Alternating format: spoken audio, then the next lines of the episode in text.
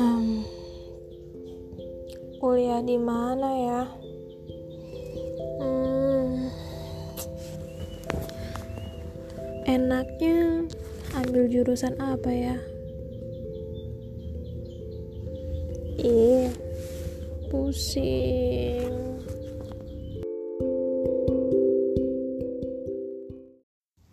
Assalamualaikum warahmatullahi wabarakatuh. Oke, balik lagi di podcast Bukan Sebatas Mimpi, karena mimpi harus diperjuangkan.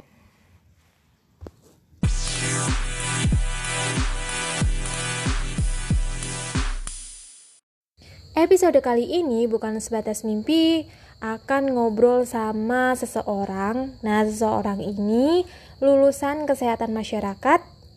Universitasnya dulu di Universitas Diponegoro. Nah, sekarang dia juga udah bekerja di salah satu instansi pemerintah. Nah, kalau kalian yang pengen tahu penjurusan di dalam kesmas itu apa, terus prospek kerjanya, kalian wajib banget buat dengerin podcast yang satu ini. Ya, kali ini aku lagi di rumah temen aku dan um, dia bakal jadi teman cerita kita pada episode kali ini. Ya, ayo kenalan dulu dong. Halo guys. Halo guys, nggak sih? Nggak apa-apa lah. Ya teman-teman ya. Uh, kenalin dulu Nama aku ya, aku ya manggilnya Elisa Maharani, biasa dipanggil Elisa. Uh, aku lulusan dari Undip Semarang tahun 2017. Hmm, dulu kuliahnya jurusan kesehatan masyarakat. Hmm, nah gitu kenalannya. Ya, kita kenalannya juga apa-apa. Jadi dia teman aku, teman SMA ya. Oke, okay, um, jadi pertanyaan yang pertama ya pertanyaan yang pertama J sekarang lagi sibuk apa Mbak Elisa eh um, jadi sekarang aku udah kerja uh, di statusnya udah PNS ya Ciailah PNS PNS tapi masih ibaratnya ya masih baru-baru ini hmm. baru diangkat jadi PNS jadi aku kerja di Badan Kependudukan dan Keluarga Berencana Nasional. BKKBN BKKBN ya, ya singkatannya. Uh, tapi aku itu di lapangannya jadi di penyuluh KB atau penyuluh keluarga berencana. Nah ditempatkannya itu di setiap kecamatan hmm. kayak gitu. Jadi di setiap kecamatan itu ada balai penyuluhnya masing-masing. Nah jadi kayak gitu. Jadi lulusan kesmas bisa masuk ke BKKBN loh. Ya, ya enggak? Soalnya yang pasti bakal pasti bakal banyak banget nanti yang tanya uh, prospek kerja lulusan kesmas itu kayak gimana gitu kan. Oke okay. uh, eh, selain itu ada kesibukan lain nggak nggak ada? Atau fokus ya? Fokus ke situ baru fokus? Iya masih fokus ke situ dulu ya Oke. Okay. Ibaratnya masih adaptasi lah. Ya, masih masih baru sih jadinya ya masih adaptasi. Nah, uh, kalau misal aku mau nanya nih kan uh, sering nih banyak yang nanya-nanya jurusan kesmas tuh yang kayak gimana sih kalau kesmas itu nanti kayak gimana sih kayak gitu terus prospek kerjanya kayak gimana nah yang pertama kesmas itu apa sih jurusan yang kayak gimana gitu loh Oke, jadi mm-hmm. uh, aku jelasin ya. Jadi kalau sepengetahuan aku ding, selama aku kuliah 4 tahun ya. Jadi kesmas itu jelas singkatannya dari kesehatan masyarakat. Mm-hmm. Nah, kalau di Undip sendiri itu uh, ada kesmasnya itu udah fakultas sendiri, ibaratnya itu udah berdiri sendiri. Jadi mm-hmm. fakultas kesehatan masyarakat mm-hmm. dan jurusannya itu cuma ada satu kesehatan masyarakat. Kayak gitu. Nah, kemudian nanti baru di semester kalau pas zamanku itu di semester 6 peminatan atau penjurusan lah ya kalau istilahnya cuma kayaknya yang sekarang itu di semester 5 udah mulai peminatannya kayak gitu oh jadi masuk ke smas itu nanti setelah semester keberapa itu baru ke penjurusan gitu ya nggak dari mm -hmm. awal betul jadi kalau misal penjurusan itu ada penjurusan apa aja sih? Kalau penjurusan itu macam-macam ya. Jadi kalau di undip itu yang paling favorit atau yang paling biasanya banyak anak-anak itu ibaratnya pengen banget itu yang K3 atau biasa disingkat keselamatan dan kesehatan kerja. Hmm. kemudian eh kalau yang K3 itu biasanya yang di perusahaan-perusahaan kayak gitu. Bisa jadi HSE atau Health Safety Environment bisa jadi officer kayak gitu. Pokoknya yang ibaratnya di perusahaan-perusahaan. Nah, kerjanya di perusahaan Hmm. kayak gitu. kemudian ada peminatan kesehatan lingkungan. Hmm, kesehatan lingkungan. kalau kesehatan lingkungan itu mempelajarinya tentang sebenarnya apa ya ilmunya menurutku sih masih awam ya jadi kayak mempelajari amdal analisis mengenai dampak lingkungan itu juga masih yang awalan-awalan aja kemudian kalau di keseling itu banyak praktikum praktikumnya ada praktikum tentang air udara makanan kayak gitu Hmm. Terus kalau peminatan selanjutnya itu ada AKK atau administrasi kebijakan kesehatan. Hmm. Itu biasanya sih tentang kebijakan-kebijakan lah ya. Jadi kayak biasanya banyak kan mempelajari tentang misalnya kebijakan BPJS. Nah, itu apa aja kayak gitu. Pokoknya anak-anaknya itu kalau pas zamanku itu anak-anak yang organisatoris itu biasanya masuk ke AKK. Kalau misal AKK itu kan kebijakan, berarti kemungkinan bisa jadi kepala rumah sakit kayak gitu ya. Iya, biasa bisa bisa jadi nerus misalnya nerusin ke S2 magister. Magister. Iya, itu biasanya bisa jadi ke eh, apa? kepala rumah sakit. Biasanya banyak yang di rumah sakit sih kalau teman-temanku yang dari AKK. AKK. Mm. Terus, Terus? ada apa lagi? Ada peminatan epidemiologi. Epidio epi ah susah banget sih. epidemiologi atau epid lah intinya ilmu yang mempelajari tentang penyakit lah ya jadi kalau anak-anak epid biasanya tuh karena kalau epid itu kan ibaratnya induk dari kesmas Hmm.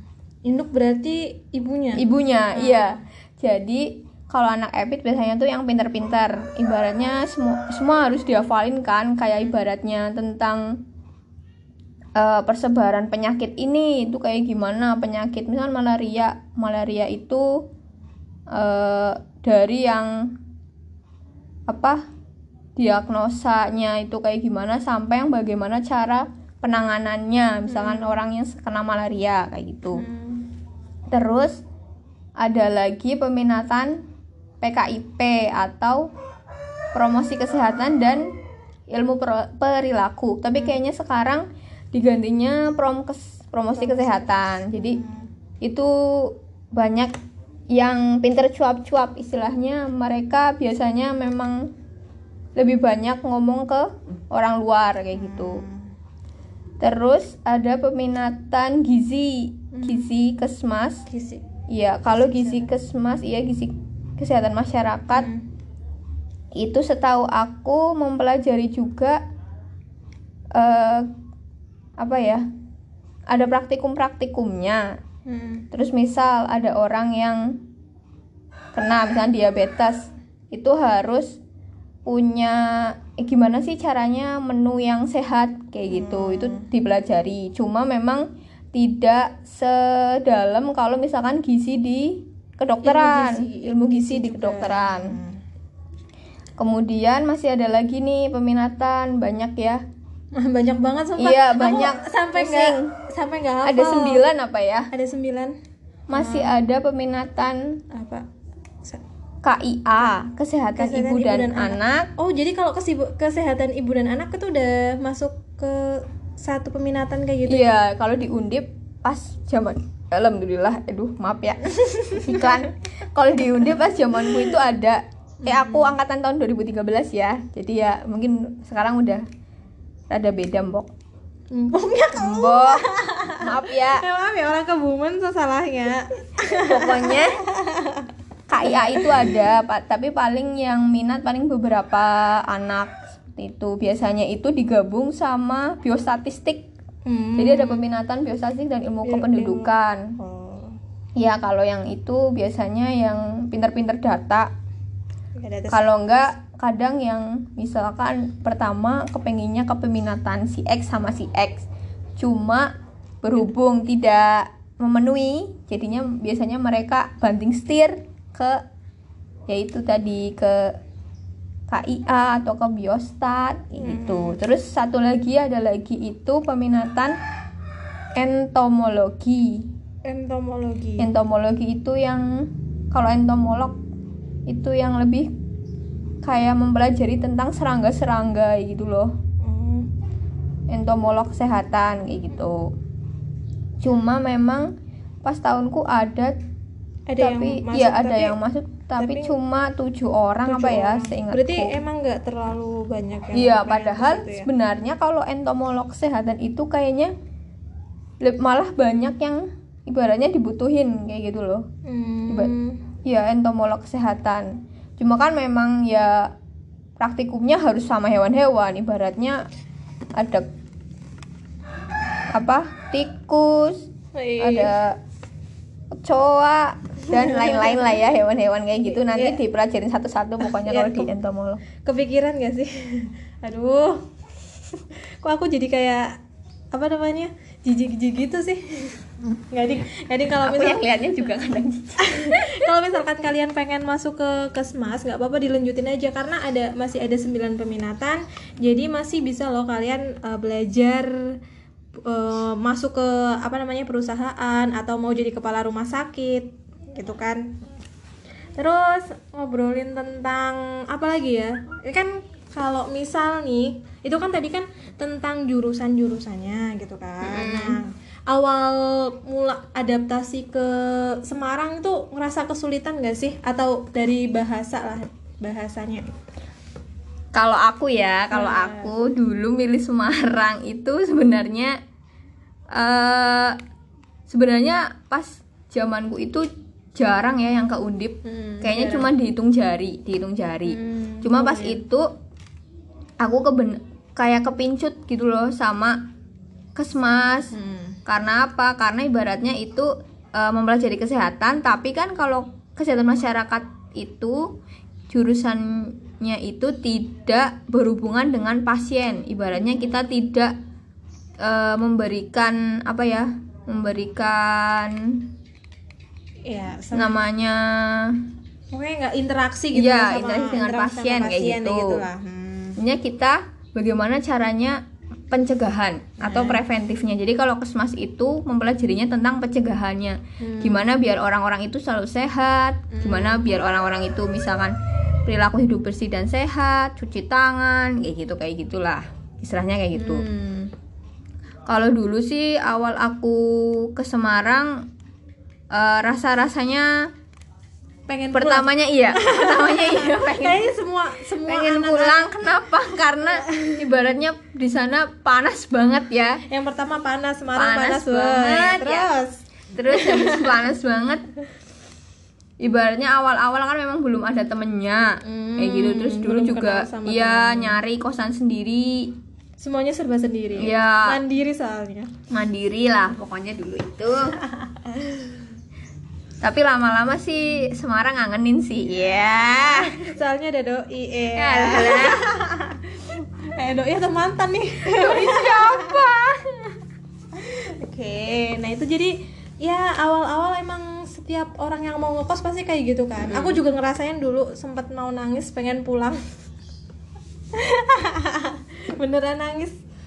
Sama-sama Hmm, sama. nah, em, kalau tadi kan udah sempet disinggung sedikit ya tentang prospek kerja gitu kan. Kalau misal di Kesmas kan prospek kerjanya luas gitu kan. Nah, itu eh, apa setiap kayak misal nih eh, aku jurusannya ini, kira-kira bisa nggak sih kalau misal aku jurusannya keseling nih, bisa nggak sih kalau misal aku pengen jadi K3 bisa Oh, bisa, banget. banget. Oh jadi enggak. Tapi harus melewati satu tahap gitu ya. Tahapnya itu apa? biasanya kan nih kan kita itu peminatan Hmm. kan misalnya peminatan kayak keseling K3 bla bla bla bla Iya, banyak itulah hmm. tapi nanti ujungnya kita tetap sarjana kesehatan masyarakat kayak gitu guys jadi ibaratnya nggak ngaruh sih sebenarnya peminatan dari mana mana mana Hmm. itu bisa masuk semua kayak gitu Hmm. soalnya kan memang banyak yang biasanya dari misal nih PKIP promosi kesehatan. Hmm. dia banting setir ke K3 bisa. Yang penting ada pelatihan ibaratnya ikut pelatihan. Biasanya itu pelatihannya lumayan sih ya lumayan 6 sampai 10 jutaan lah satu kali pelatihan. Oh, jadi wow. eh, awalannya itu biar dapet sertifikasi AK3U istilahnya kayak gitu kalau misalkan yang eh, biar bisa nyamain yang anak A3 lah kayak gitu biar bisa masuk ke mungkin dia kepengen kerjanya di perusahaan-perusahaan kayak Yang- gitu ya, perusahaan yang bonafit gitu Mm-mm. kan benar itu awalannya harus ya lumayan sih ngerogoh kocek Hmm. buat sertifikasi. Tapi Iya. kalau misalkan memang biasanya kalau setelah sertifikasi itu mesti banyak link. Ibaratnya banyak eh, link-link mungkin yang bisa lebih gampang ke masuk ke kerja kayak gitu. Hmm. ya ya karena kan kalau sertifikasi kan emang dibuat kan Mm-mm. jadi kayak mereka juga udah punya apa namanya link ke perusahaan sendiri kemungkinan kalau kamu masuk ke situ ya ka- kalian lebih diprioritasin kayak Iya. gitu kan benar sih oh jadi ya ampun aku aku pikir juga apa sih apa sih kesmas gitu loh nggak nggak ada bayangan sama sekali cuma ya ya paling kalau dijawab ya "Eh, bu kesmas apa sih ya kesmas itu nanti ca- eh, jadi kepala rumah sakit terus nanti kerja di perusahaan itu udah kayak gitu doang ternyata mak bisa juga yang di BKKBN gitu kan eh luas luas sih Prospek kerjanya Terus- luas, hmm. guys. Dan kayaknya kemarin aku sempet ngeliat lihat apa yang senam? PTN undangan Hah? itu paling banyak milihnya kesmas ya. aku aku nggak tahu. Mungkin aku aku juga Aku ngeli- terlalu aku di- lihat sih. aku dikasih tahu sama temenku kesmas paling banyak untuk saintek gila-gila. Aduh ya berarti kan eh, udah pada sebenarnya udah pada tahu mungkin kalau kesmas tuh jurusannya tuh Banyak, banyak mungkin ya. gitu mungkin tapi kalau misal dari ini sih kayaknya masih kedokteran sih sebenarnya Mm-mm. kalau yang yang anak-anak tuh pada pengen banget masuk itu kayak masuknya ke kedokteran soalnya kan kalau kedokteran ya tau lah itu gitu udah kan. Pasti. Udah itu ilmu pasti. guys. Kalau aku sih nyaranin kalian ke kedokteran aja. Eh jangan kayak gitu. Kalau kalian yang pengen masuk kesmas ya nggak apa-apa dong. Kalian belajar Iya, aja iya, di iya, kesmas. Kalau kedokteran itu saingannya susah coy.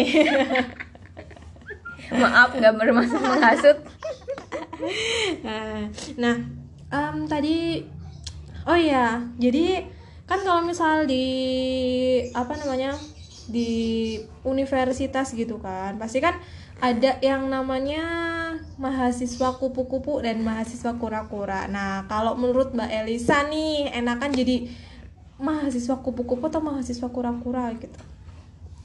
kalian pengen yang mana Makanya gitu sih. Kamu jadi kamu tim mana nih? Tim kupu-kupu, tim kura-kura? kalau aku pribadi tim kura-kura guys kuliah rapat kuliah rapat kadang nggak pulang pak Kadang nggak pulang. kadang gitu dan ya. nggak pulang dan paginya itu harus kuliah tapi sebenarnya gini sih kalau misalkan kalian udah memutuskan untuk kuliah di X misalkan mungkin eh, jurusan yang kalian pengenin itu ternyata nggak sesuai sama kalian misalkan mungkin eh, di pilihan kedua mungkin bukan di Iya. pilihan pertama kayak gitu Hmm, keterima bisa-bisa. misal ya Nah, Nah, kalian itu harus eh, ibaratnya apa ya? Tanemin dalam diri kalian. Kalau misalkan ya mungkin jalannya di sini kayak gitu. Ibaratnya mencoba dulu lah. Terus kalian biar ibaratnya itu enggak terlalu berlarut-larut misalkan sebenarnya aku kepengen misalnya sebenarnya aku kepengen ke kedokteran tapi ternyata aku cuma keterima di kesmas, Kesmas, misalkan itu ya. banyak tuh pilihan kedua Nah, kalian bisa eh, ngasah soft skill kalian karena sekarang ibaratnya soft skill itu eh, Lebih ibaratnya ya? lebih dibutuhkan lah, lebih penting daripada eh, mungkin kalian yang eh, mahasiswa akademisi ya, ibaratnya yang cuma mentingin nilai kayak gitu. Nilai itu baik, nilai itu bagus, ibaratnya kita belajar, kita berusaha biar dapat IP IP ya, IP IP IPK yang- yang bagus cuma harus diimbangi sama soft skill juga kalau dari aku sih kayak gitu Iya, iya, ya emang semuanya harus seimbang, Seimbang. sih ya. Akademis oke, soft skill juga oke. nah Nah, tapi juga kalau misalkan kalian terlalu fokus di untuk ngembangin soft skill juga ya kurang baik ya, Ya, jadinya jangan memang harus ma- harus seimbang dengan akademiknya kayak gitu hmm, jadi anak kura-kura. Oke. Lah. Tapi jangan kekura-kuraan terus. jangan. Ada saatnya kita kura-kura ada saatnya kita ya biasa aja gitu lah ya. Kupu-kupu guys. kuliah pulang kuliah pulang. Semester akhir kupu-kupu. semester akhir kupu-kupu. Kupu-kupu kuliah pulang revisi. kupu-kupu. Tapi bukan kupu-kupu mati kan? Kupu-kupu mati. Kuliah pulang kuliah pulang malam party Itu Nunung kali ya. Itu Bu Nunung eh, tuh. enggak enggak. Aku nggak pernah nggak pernah malam nggak pernah party. Di UNES ada ada partian apa sih? Oke, nah mm, ngobrol tadi udah ngobrolin tentang prodinya juga udah, terus ngobrolin tentang setelah kerjanya, terus habis itu ngobrolin tentang eh, gimana apa namanya eh, kehidupan di, di undipnya gitu. Terus ada tadi sempat bahas tentang gimana ya, organisasi ya. Nah kan kalau misalkan di organisasi itu kan pasti kan eh, kayak membagi waktu gitu loh. Itu gimana sih caranya? Kalau udah kuliah terus habis itu membagi waktu emang nggak keteteran kuliahnya gitu Keteteran guys. oh kalau bisa eh kuliahnya tetap Tergantung. ah, tergantung tergantung Ibaratnya kayak gini. Ya, manajemen waktu. Jadi misalkan kalian Hmm. biasanya semester awal itu kan nanti mesti ada eh, rekrutmen rekrutmen buat misalkan ikut organisasi bisa organisasi di fakultas atau misalkan di universitas kayak gitu nah kalian harus tentuin ibaratnya jangan terlalu maruk lah ibaratnya kayak gitu kan maksudnya boleh boleh kalian jadi organisatoris Tapi jangan semuanya jangan gitu semuanya di ini juga kayak gitu. Pilih yang mungkin dua kayak gitu. Dua bisa dua organisasi mungkin yang kalian lebih apa ya di dipinginin kayak- Dipinginin Ah, kayak kayak gitu. misal aku pengen masuk BEM ya udah BEM sama apa gitu yang nggak terlalu berat gitu. Mungkin yang kayak gitu. ibaratnya bisa membagi waktu kayak gitu. Kan juga kuliah nggak selalu ibaratnya setiap hari dari pagi sampai sore enggak kan? Itu mesti ada jam-jamnya. Hmm. kayak gitu. Jadi bisa sih kalau misalkan kalian bisa membagi waktu pasti bisa. Hmm. tapi mungkin pasti kadang misalkan ada tugas terus kalian harus rapat. Ya itu konsekuensinya kayak gitu. Jadi harus pintar-pintar membagi waktu. Hmm. kapan kalian harus eh, ngerjain tugas terus kapan kalian harus rapat rapat rapat lagi kayak gitu jadi kap jadi ya harus pinter-pinter ngebagi sih. Ya bener sih kalau misal mau jadi orang organisatoris kan emang dikenal sama dosen dikenal Hmm. sama yang lainnya kayak gitu kan. Tapi eh, kenal sama dosen aja tuh nggak cukup gitu kan. Hmm. nah kenal sama dosen aja tuh nggak cukup. Jadi kalian juga harus lulus. Berarti emang apa namanya em, akademik juga harus bagus gitu ya. Oke. Kira-kira mau ngobrolin apa lagi sih? Udah ya? Oh, kayaknya udah selesai ya. Jadi eh, sedikit banyaknya tadi udah dijelasin sama mbak El- sama mbak Elisa tentang jurusan apa sih kesmas itu gitu, tentang jurusan jurusannya mungkin nanti eh, di lain kesempatan kita bisa kupas satu-satu. Eh kupas. Ya jurusan jurusan ya bener Eh, nanti kalau mbak Elisa lebih ke keseling. Tapi kerjanya di nggak di keseling ya. Kerjanya jadi penyuluh. Jadi penyuluh. KB. KB berarti KIA kesehatan ibu dan anak. Harusnya masuknya KIA dong. Jadi ibaratnya kalau kesmas itu ya harus bisa semuanya lah. Kayak gitu. Ya berarti harus bisa semuanya dan nggak kalau misal kalian eh, yang udah masuk ke smas terus aku tuh pengennya masuk ke perusahaan ya itu berarti harus ikut pelatihan yang harganya lumayan itu loh. Iya Nah, betul. bener. Nah, oke, kayak kayaknya udah dulu ya Mbak ya. Kayaknya udah udah semuanya udah lumayan tersampaikan. Terima kasih Mbak Elisa. Sama-sama. Ya ampun. Gimana teman-teman? Tadi udah dijelasin kan sama Mbak Elisa, panjang kali lebar. nah, buat teman-teman yang emang pengen banget masuk kesehatan masyarakat, yuk silahkan masukin aja. Kenapa? Karena ternyata prospek kerjanya itu luas banget. Nah, buat teman-teman yang punya saran dan kritik, kalian boleh langsung hubungi kakak di at C A H Y A A N N Cahya NN dan mohon maaf juga tadi banyak suara-suara ayam backsoundnya ya. Nah, terima kasih sudah mendengarkan. Uh, wassalamualaikum warahmatullahi wabarakatuh dan jangan lupa senyum.